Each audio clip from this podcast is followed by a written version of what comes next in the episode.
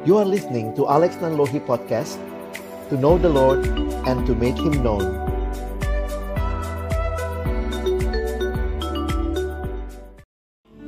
Tuhan terima kasih untuk panggilanmu yang indah bagi hidup kami.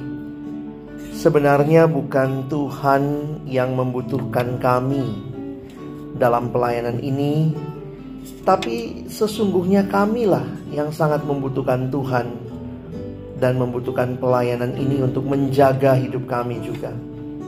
Terima kasih buat kesempatan kami kembali membuka firman-Mu. Tolong buka hati kami Tuhan, jadikan seperti tanah yang baik supaya setiap benih firman yang ditaburkan boleh berakar, bertumbuh dan berbuah nyata. Berkati waktu ke depan, Tuhan memimpin pemberitaan firman-Mu dalam nama Yesus. Kami bersyukur kami berdoa. Amin. Silakan duduk. Mari sama-sama kita membuka satu bagian firman Tuhan di dalam Injil Yohanes pasal 21. Yohanes pasal yang ke-21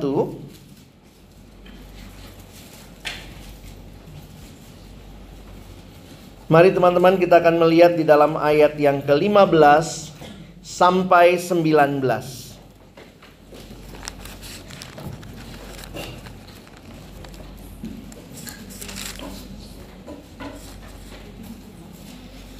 Mari kita baca bagian ini. Saya baca 15, teman-teman baca 16, kita bergantian sampai 19 ya.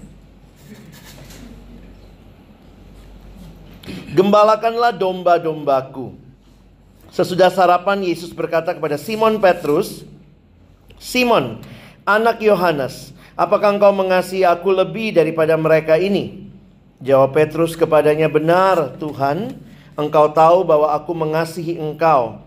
Kata Yesus kepadanya, "Gembalakanlah domba-dombaku."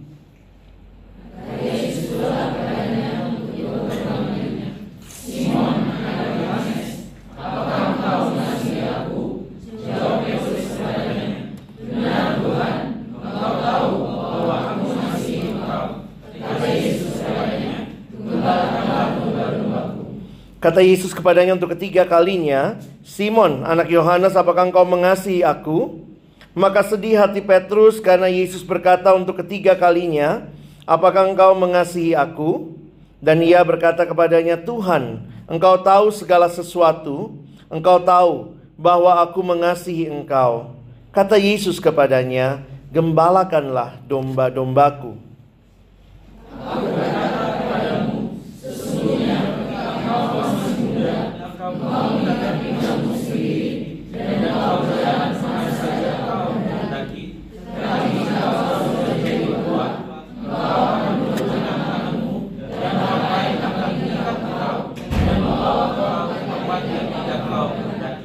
Hal ini dikatakannya untuk menyatakan bagaimana Petrus akan mati dan memuliakan Allah.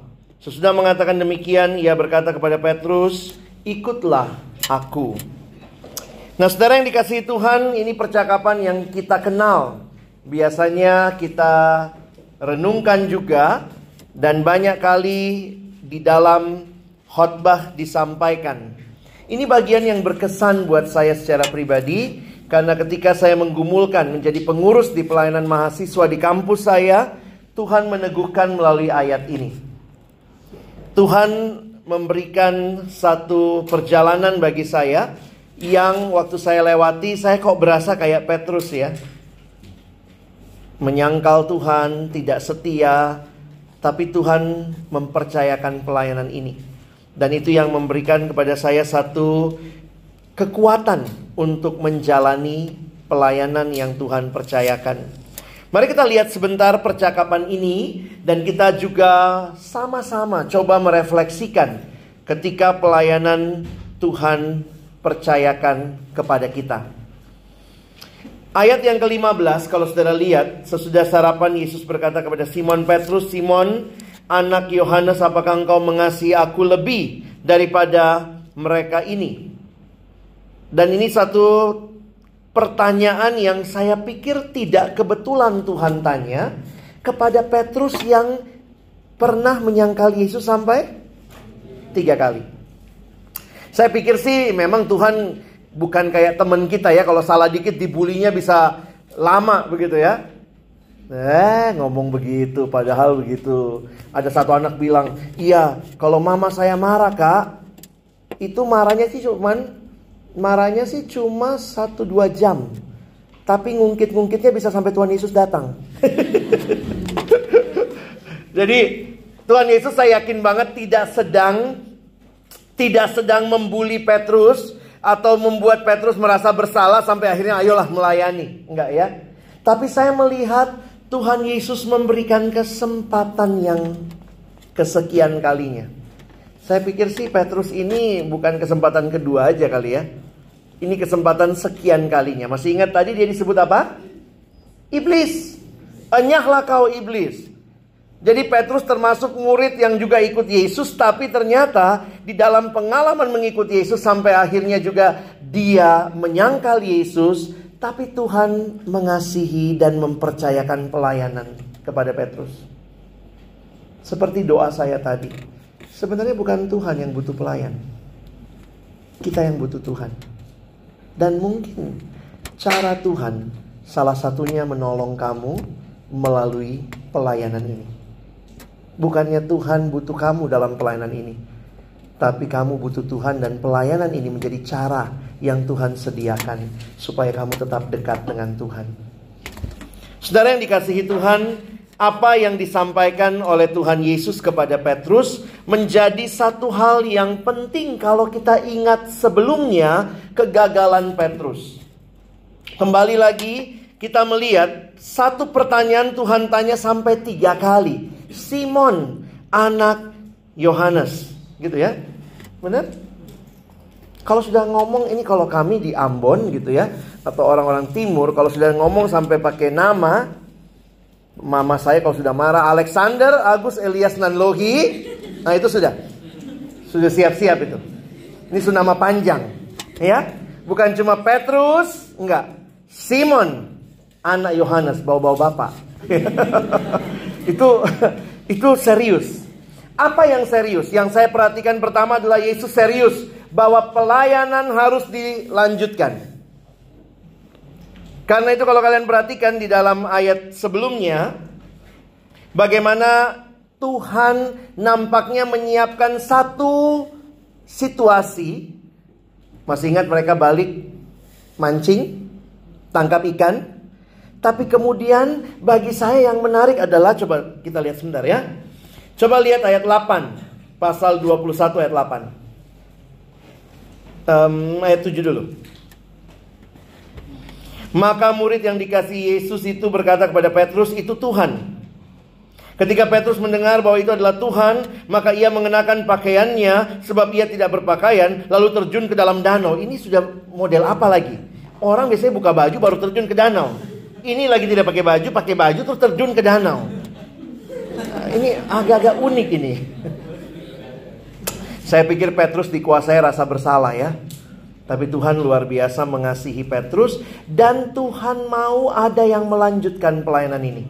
Bagian ini saya hayati sebagai bagian regenerasi. Yesus akan segera meninggalkan murid-muridnya dan dia menampakkan diri dan satu hal yang menarik Injil Yohanes mencatat bagaimana percakapan dengan Petrus yang tidak muncul di Injil lain.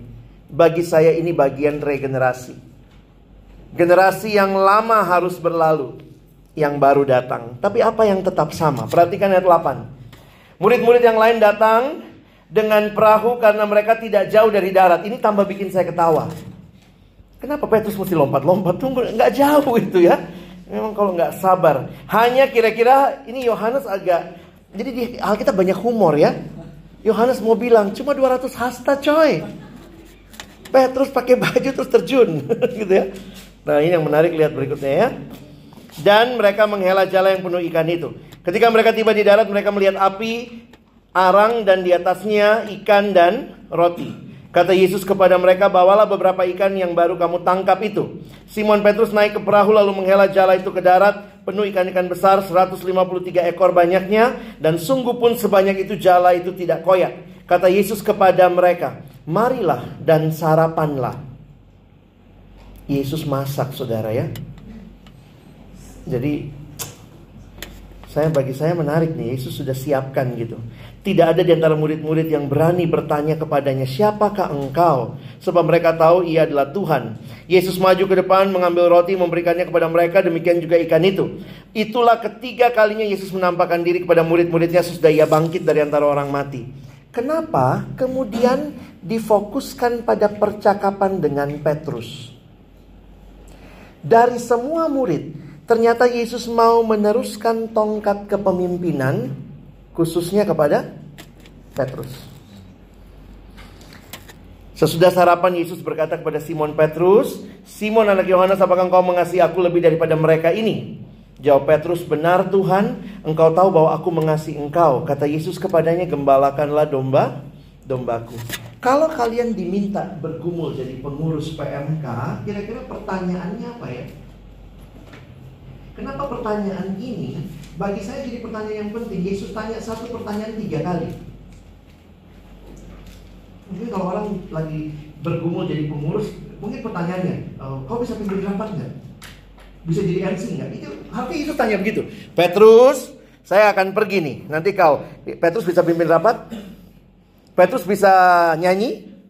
Pimpin nyanyi, biasanya sebelum rapat ada nyanyi. Petrus bisa main gitar? Sekalipun tidak ada pertanyaan tentang skill pelayanan. Tuhan tidak tanya skill pelayanan. Saya nggak tahu skillnya Petrus juga ya tangkap ikan begitu rupa. Tuhan lagi lihat satu hal yang lebih utama. Masalah hati. Waktu dia tanya sama Petrus, apakah engkau mengasihi aku sampai ketiga kalinya lihat ayat 17. Kata Yesus kepadanya untuk ketiga kalinya, Simon anak Yohanes, apakah engkau mengasihi aku? Maka sedih hati Petrus karena Yesus bertanya untuk ketiga kalinya. Kira-kira apa yang dia ingat? Dia menyangkal juga tiga kali. Teman-teman pernah bayangkan penyangkalan Petrus? Coba lihat sebentar Lukas ya. Saya waktu membayangkan penyangkalan Petrus, lihat Lukas 20 um, 22.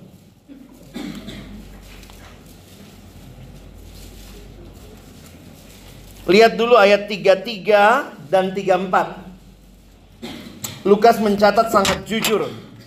Petrusnya ya. Coba lihat Lukas 22 ayat 31 dan 32. Itu kalimatnya Simon Simon. Begitu kali bacanya ya. Iya kan? Simon Simon, gak mungkin Simon Simon. Coba kalau kau baca Alkitab tuh hidupkan imajinasimu. Eh, beberapa kali kalau Yesus bicara, itu ternyata kalau Yesus sebut nama kita dua kali itu agak itu ya. Marta, Marta. Itu belakangnya agak ini. Marta, Marta. Please deh. Gitu kali ya. Ini Simon, Simon. Karena dia dia bangga banget kalau Yesus ngomong Simon, Simon. Lihat iblis telah menuntut engkau untuk men eh sorry tiga tiga ya tiga dua ya. Tetapi Aku telah berdoa untuk engkau supaya imanmu jangan gugur. Dan engkau, jika engkau sudah insaf, kuatkanlah saudara-saudaramu. Emang dia disiapin jadi pemimpin gitu ya. Lihat ayat 33. Wih ini sombong luar biasa ya. Jawab Petrus, Tuhan, aku bersedia masuk penjara dan mati bersama-sama dengan engkau. Hmm, tidak lama kalah sama ayam. Maka Yesus langsung bilang di bawahnya ya. 34. Tetapi Yesus berkata, Aku berkata kepadamu Petrus, hari ini ayam tidak akan berkokok sebelum engkau tiga kali menyangkal aku. Bahwa engkau mengenal aku. Jadi kayak Yesus mau ngomong, ayam berkokok satu kali, kau tiga kali. Sehingga itu Petrus udah tahu harusnya ya. Lihat ayat 54, langsung ke 54 ya. Lalu Yesus ditangkap dan dibawa dari tempat itu, ia digiring ke rumah imam besar dan Petrus mengikut dari jauh. Sebenarnya Petrus berani nggak? Bagi saya dia termasuk yang berani loh. Dari semua murid, dia salah duanya, salah satu dari dua maksudnya ya. Satu lagi kemungkinan Yohanes tuh yang ikut ya. Dan dikasih tahu lalu dia lihat dari jauh. Di tengah-tengah halaman rumah itu, orang memasang api mereka dan mereka duduk mengelilinginya. Petrus juga duduk di tengah-tengah mereka. Perhatikan ayat 56. Seorang hamba perempuan melihat dia duduk dekat api, ia mengamat-amatinya lalu berkata, "Juga orang ini bersama-sama dengan dia." Tetapi Petrus menyangkal katanya, "Bukan, aku tidak kenal dia." Tidak berapa lama kemudian, seorang lain melihat dia lalu berkata, "Engkau juga seorang dari mereka." Tapi Petrus berkata, "Bukan, aku tidak." Perhatikan 59. Dan kira-kira sejam kemudian seorang lain berkata dengan tegas, "Sungguh orang ini bersama-sama dengan dia sebab ia juga orang Galilea." Dari mana ketahuan? Kira-kira dari mana ketahuan dia orang Galilea? Mungkin logat. Bukan, bukan aku. Langsung udah. Ini Galilea mungkin gitu ya. Sorry ya. Ayat 60. Tetapi Petrus berkata, "Bukan aku, bukan, aku tidak tahu apa yang kau katakan seketika itu juga. Sementara ia berkata, berkokoklah ayam. Kadang-kadang kita nggak menghayati cerita ini. Coba bayangkan, ayam itu berkokok jam berapa? Hmm? Ayam, eh ayam, eh ayo. Ayam berkokok jam berapa? Ada yang malam, ada yang pagi. Tapi yang normalnya jadi sekarang saya tanya deh, Yesus ditangkap kira-kira jam berapa? Jam 12. Bayangkan kalau Yesus ditangkap kan habis doa di Taman Getsemani ditangkap tuh. Nah itu sepanjang malam, lalu paginya ayam berkokok. Jadi kira-kira kalau Yesus ditangkap, kita ambil aja. Kira-kira bisa Yesus ditangkap jam 10 malam. Petrus menyangkal tiga kali. Jangan pikir tuh tiga kali berturut-turut. Karena kan kalau Yesus bisa ditangkap jam 10 malam, lalu sampai di rumahnya imam besar misalnya jam 12, lalu tiba-tiba Petrus menyangkal tiga kali, lalu ayam bunyi jam 12 malam, itu ayam lupa lupa lupa jam. Nangkap maksud saya? Waktu kamu baca cerita ini, perhatikan bagi saya ini sebuah penyangkalan yang menyakitkan. Jadi Petrus itu bukan menyangkal tiga kalinya, kau kenal dia? Tidak, tidak, tidak. Itu tiga kali juga. Tidak, tidak, tidak. Ah, tiga kali. Baca Alkitab baik-baik. Kalimatnya apa? Lihat ayat 59. Kira-kira sejam. Kemudian jadi dia nyangkalnya terencana. Kalaupun nggak terencana pasti menyakitkan. Misalnya, kenal Kak Aris nggak? Enggak. Itu satu jam kemudian, aduh saya kenal, saya itu pemimpin KTP, kenapa aku bilang nggak kenal? Aduh ketemu lagi, kenal nggak? Satu jam kemudian,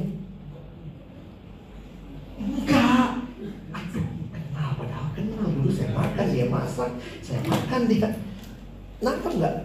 Yesus disangkal oleh Petrus dalam jeda waktu. Dan saya sedang membayangkan kalau bikin film bagus sekali ya. Pergumulan batin Petrus di tengah-tengah menyangkal itu sedih banget itu. Kalau bikin film gitu ya, saya tidak kenal dia, terus dia pergi menghindar ke yang lain. Kira-kira gimana rasanya? Dia tiga tahun bersama Yesus bilang nggak kenal. Kira-kira Alkitab bilang sejam kemudian. Jadi saya lihat anggaplah misalnya berapa sejam, nggak tahu berapa lama, tapi kemudian udah pagi aja. Karena ingat dia tidak dituding oleh satu orang, tiga orang yang berbeda. Maka ceritanya mesti dibaca dengan baik. Sekali lagi dia tidak bilang, kau kenal dia? Tidak, tidak, tidak. Nah, itu, itu tiga kali juga. Ini tiga kali. Karena itu pertanyaan Yesus tiga kali. Pasti membuat Petrus sedih. Bisa nangkap emosinya? Yohanes 21 gitu ya. Dan di tengah kesedihan itu, paling tidak saya melihat Petrus melihat Tuhan memberikan dia sekali lagi kesempatan. Ya Tuhan engkau tahu bahwa aku mengasihi engkau. Dan muncullah jawaban apa? Gembalakanlah domba-dombaku. Kita mungkin tidak menyangkal Yesus dengan kata-kata kita. Tapi kehidupan kita yang terus-menerus menikmati dosa bisa jadi bukti juga bahwa kita menyangkal dia secara tidak sadar. Tapi sekali lagi, Tuhan mengasihi kita, Tuhan mau kita melayani dia, Tuhan libatkan kita dalam pelayanan ini. Tuhan bahkan mungkin pakai pelayanan itu menjaga engkau dan saya. Tapi lebih jauh dari itu, ingat yang dibutuhkan dalam pelayanan ini bukan cuma skill yang tinggi. Kita butuh hati yang mencintai Tuhan lebih dan lebih lagi. Pertanyaan Yesus hanya kaitannya dengan apakah engkau mengasihi aku? Saya lama bergumul, apa maksud pertanyaan ini? Kalau saya mengasihi Tuhan terus apa? Tapi lihat kaitannya. Kalau saya mengasihi Tuhan, kenapa respon di bawahnya gembalakanlah domba dombaku? Coba lihat sebentar, Kisah Rasul 20 ayat 28. Saya menolong, eh, saya ditolong melalui ayat ini mengerti apa arti pertanyaan Yesus ini. Lihat Kisah Rasul 20 ayat 28. Yuk, yang sudah ketemu, kita baca sama-sama. Satu, dua, iya.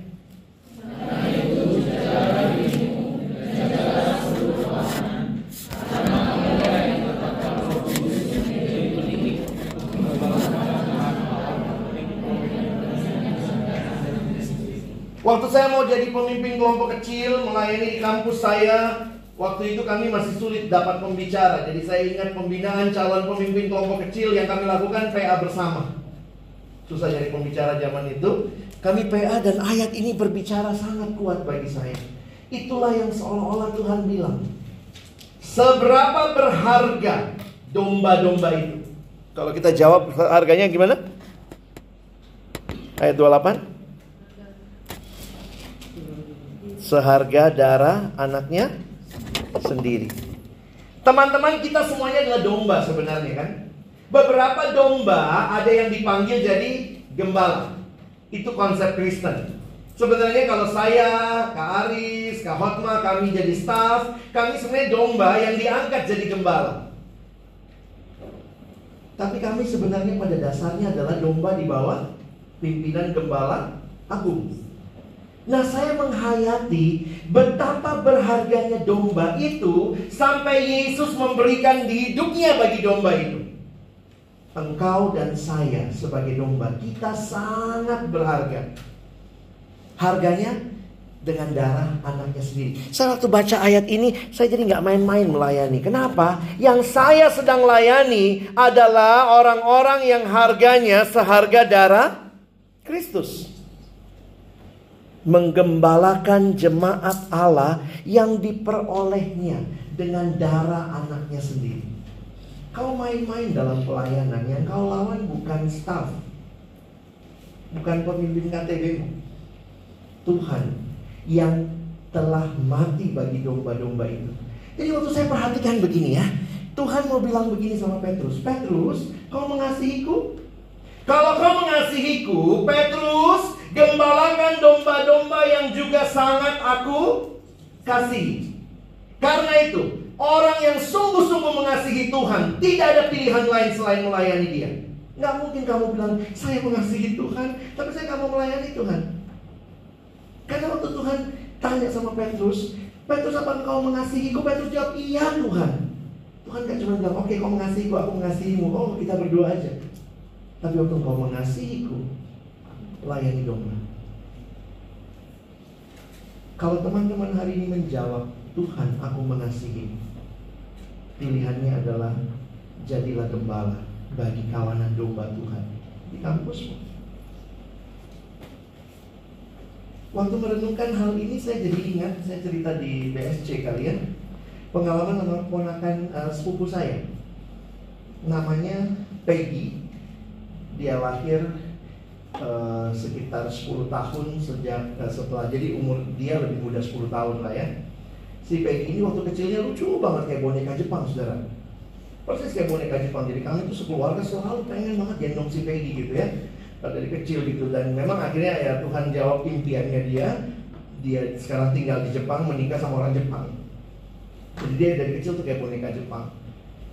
Jadi uh, yang menarik adalah Peggy ini dari kecil punya bantal Anak kecil itu kan biasanya punya mainan yang selalu dia pegang ya. Nah, ponakan saya, sepupu saya ini barang yang selalu dia pegang itu bantal anak kecil. Itu bantal kecil aja sih sebenarnya kayak bantal kepalanya anak kecil gitu.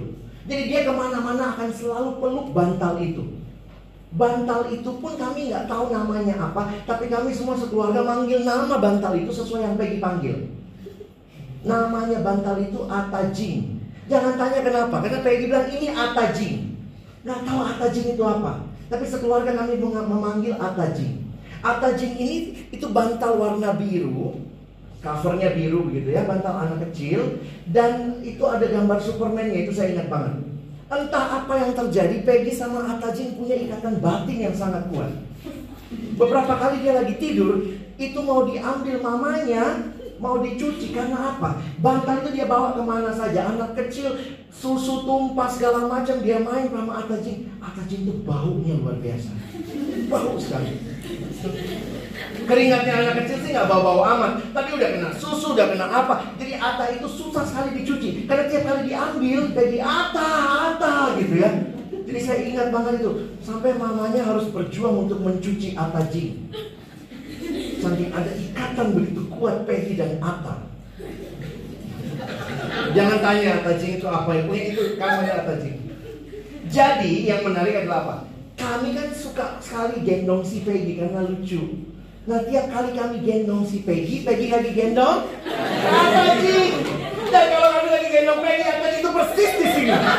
Astaga baunya.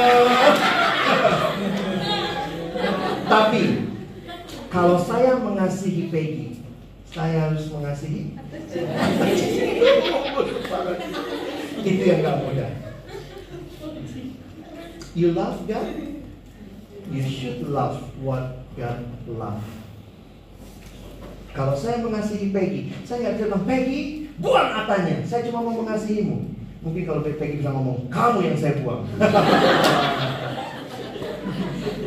Kami keluarga half Chinese ya. Jadi saya koko paling tua di keluarga. Jadi saya kalau di keluarga Chinese saya, saya dipanggil koko. Karena saya yang paling tua. Jadi Peggy, mungkin kalau dia bisa ngomong, koko yang saya buang. Gitu ya. Menarik saudara. Waktu bicara mengasihi Allah, pertanyaannya, apakah kita mengasihi yang Allah kasih? Dan kalau kita mengatakan, saya mau mengasihi Tuhan. Kalau hari ini Tuhan tanya kepada saudara, do you love me? And if you love Him, maka engkau melayani domba-domba. Domba-domba yang mungkin baunya luar biasa. Domba-domba yang mungkin tidak punya rasa terima kasih.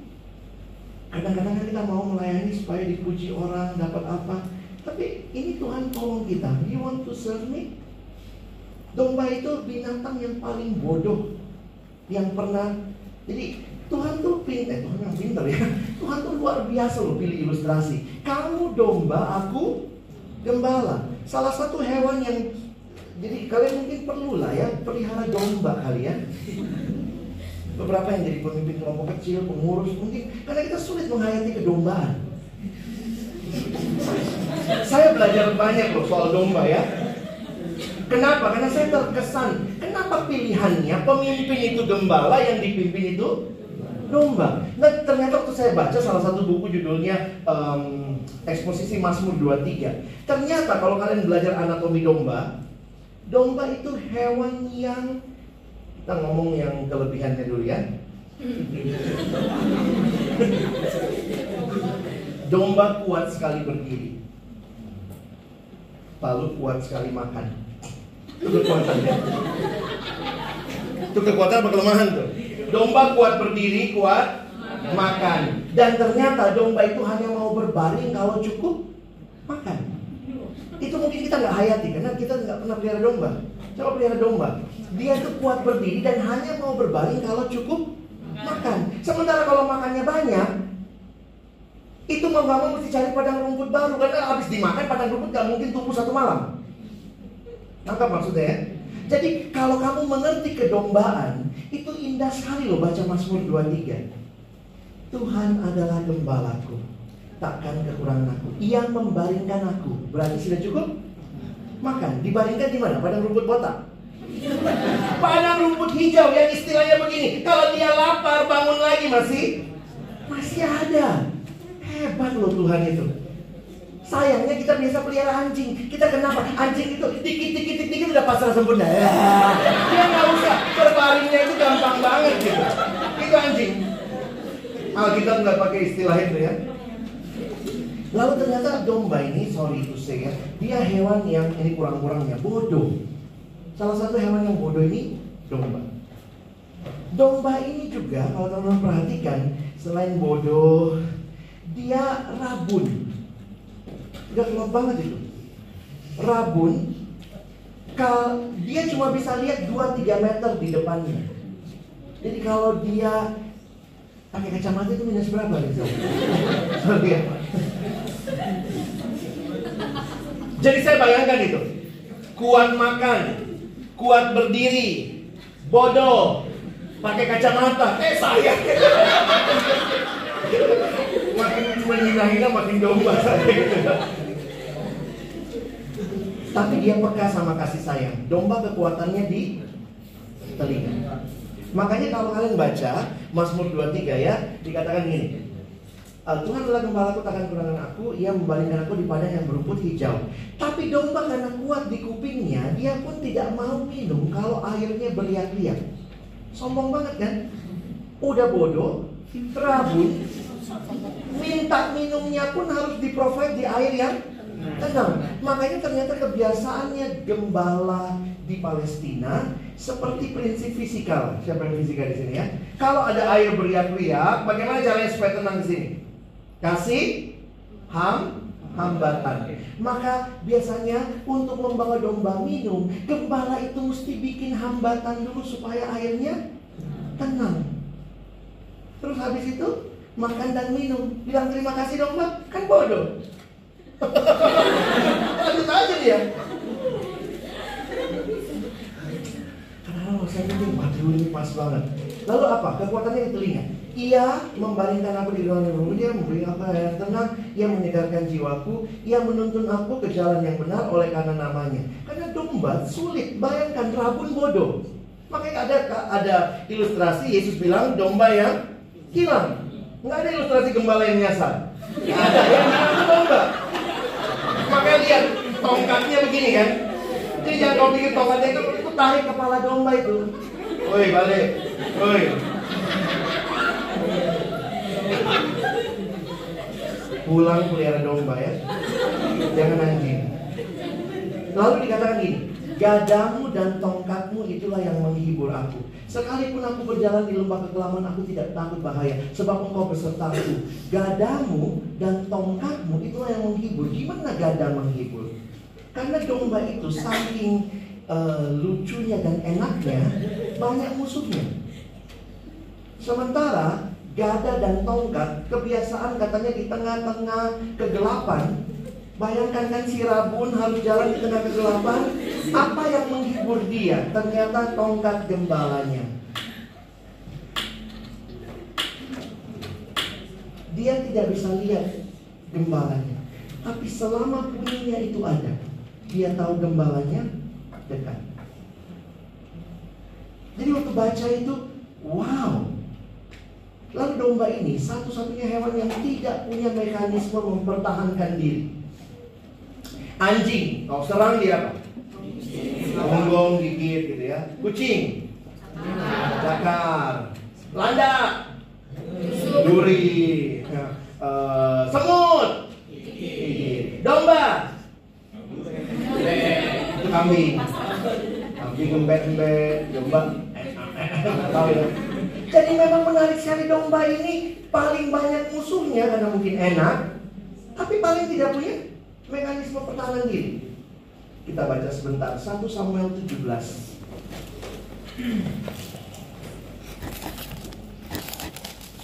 1 Samuel 17 Waktu Daud mau hadapi Goliat Dia ketemu sama Raja Saul 1 Samuel 17 Lalu kemudian Saul Dia minta izin Saul saya mau lawan Si Goliat. Saul bilang please deh Lu masih kecil. Daud kan lucu ya kemerah-merahan katanya ya Karena dia masih muda. Saya nggak tahu itu merah beneran atau karena jerawat.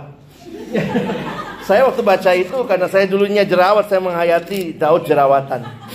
Lucu kemerah-merahan ya.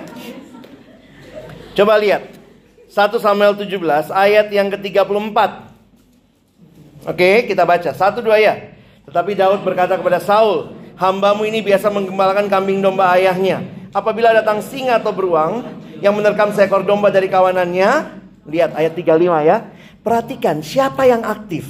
Maka aku mengejarnya, menghajarnya, melepaskan domba itu dari mulutnya. Kemudian apabila ia berdiri menyerang aku, maka aku menangkap janggutnya, lalu menghajarnya dan membunuhnya. Baik singa maupun beruang telah dihajar oleh hambamu ini. Dan orang Filistin yang tidak bersunat itu, ia akan sama seperti salah satu daripada binatang itu, karena ia telah mencemooh barisan daripada Allah yang hidup.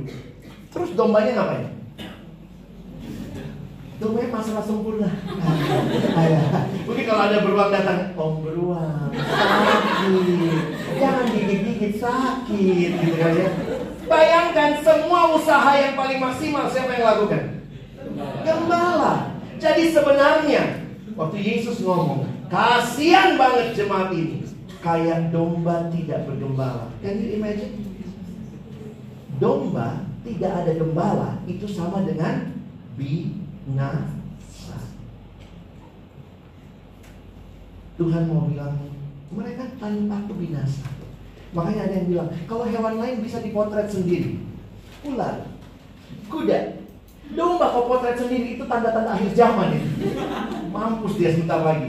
Setiap kali ada foto domba, hampir selalu domba bersama gembala. Teman-temanku, kamu domba sama bodohnya. Nggak lebih baik. Goblok. Tapi sebagian domba yang sudah dibina Tuhan bilang yuk jadi gembala ya buat yang lebih bodoh dari kau. Tapi jangan kau rasa kau lebih pintar banget. Enggak sama bodoh. Masih suka salah, salah jalan? Masih. Tuhan bilang kau mengasihiku. Nih kasihi mereka. Kalau kamu cari pujian dalam pelayanan domba bisa berterima kasih domba ya Coba siapa yang terakhir kali bilang terima kasih sama PKK-nya? Pemimpin KTB-nya? Nggak bilang kan? Nah kayak gitu nanti kalau mau punya KTB. Jangan harap bakal bilang, Kak terima kasih, kaulah sumber pengharapan. siapa yang pernah bilang thanks sama pengurus sebelumnya? Nggak bilang kan? Nah, nah itu siap-siap. Nanti kalau jadi pengurus nggak ada yang bilang thanks juga Itu yang bagi saya kadang saya mikir iya ya. Tuhan mau bilang sama sama Petrus, if you love me, that love is enough for you to serve me. Bukan karena kau dapat respon dari dombanya, tapi kalau engkau mengasihi aku, engkau pun akan seperti aku, memberikan darahku buat domba-domba itu. Dan I will give my all. So if you want to follow me, if you love me, give your everything. Layani. Saya harap kita menjawab panggilan ini bukan di hadapan saya, bukan di hadapan staf, Kak Aris, Kak Hotma, di hadapan para pengurus. Kalau kalau nanti kalian akan diteguhkan jadi pengurus, biarlah kalian menjawab di hadapan Tuhan. Yes, I love you. Dan saya mau ikut melayani domba-domba. Kiranya Tuhan menolong kita. Mari kita ambil waktu. Berdiam diri sebentar. Kita nyanyikan satu lagu. Melayani, melayani lebih sungguh. Tuhan lebih dulu melayani kepadaku. Melayani, melayani lebih sungguh. Melayani lebih sungguh Melayani, melayani lebih sungguh. Tuhan lebih dulu melayani kepadaku. Tuhan lebih dulu melayani kepadaku. Melayani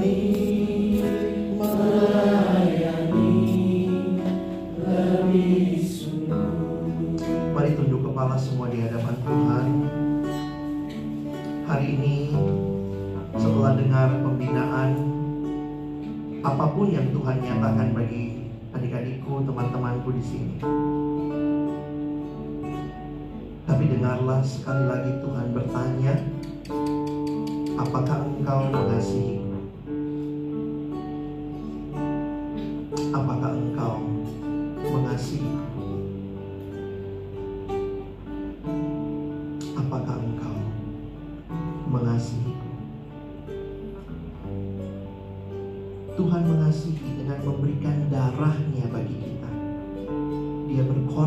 Kayu salib, menebus kita, menyelamatkan kita. Domba-domba yang bodoh, dia selamatkan. Sekarang Tuhan panggil setiap saudara dan saya. Apakah engkau mengasihiku? Dan kalau engkau mengasihiku, gembalakanlah domba-domba. Di generasi yang lalu Tuhan sudah menggembalakan saudara. Mungkin melalui abang kakak yang menjadi pengurus pemimpin KTB. Dalam generasi ini Tuhan panggil lagi. Siapa yang mau melayani? Tuhan hanya butuh hati yang mengasihi dia. Hati yang mengasihi pun akan mengasihi yang Tuhan kasih.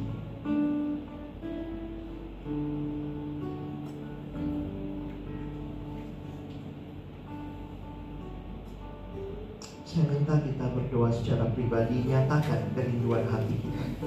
Kalau kau siap melayani Tuhan, jawablah pertanyaan ini. Apakah engkau mengasihi? Kalau kau menjawab iya, dengarlah Tuhan berkata, gembalakanlah domba-dombaku. Berkorbanlah bagi mereka. Berilah mereka makan. Tuntun mereka ke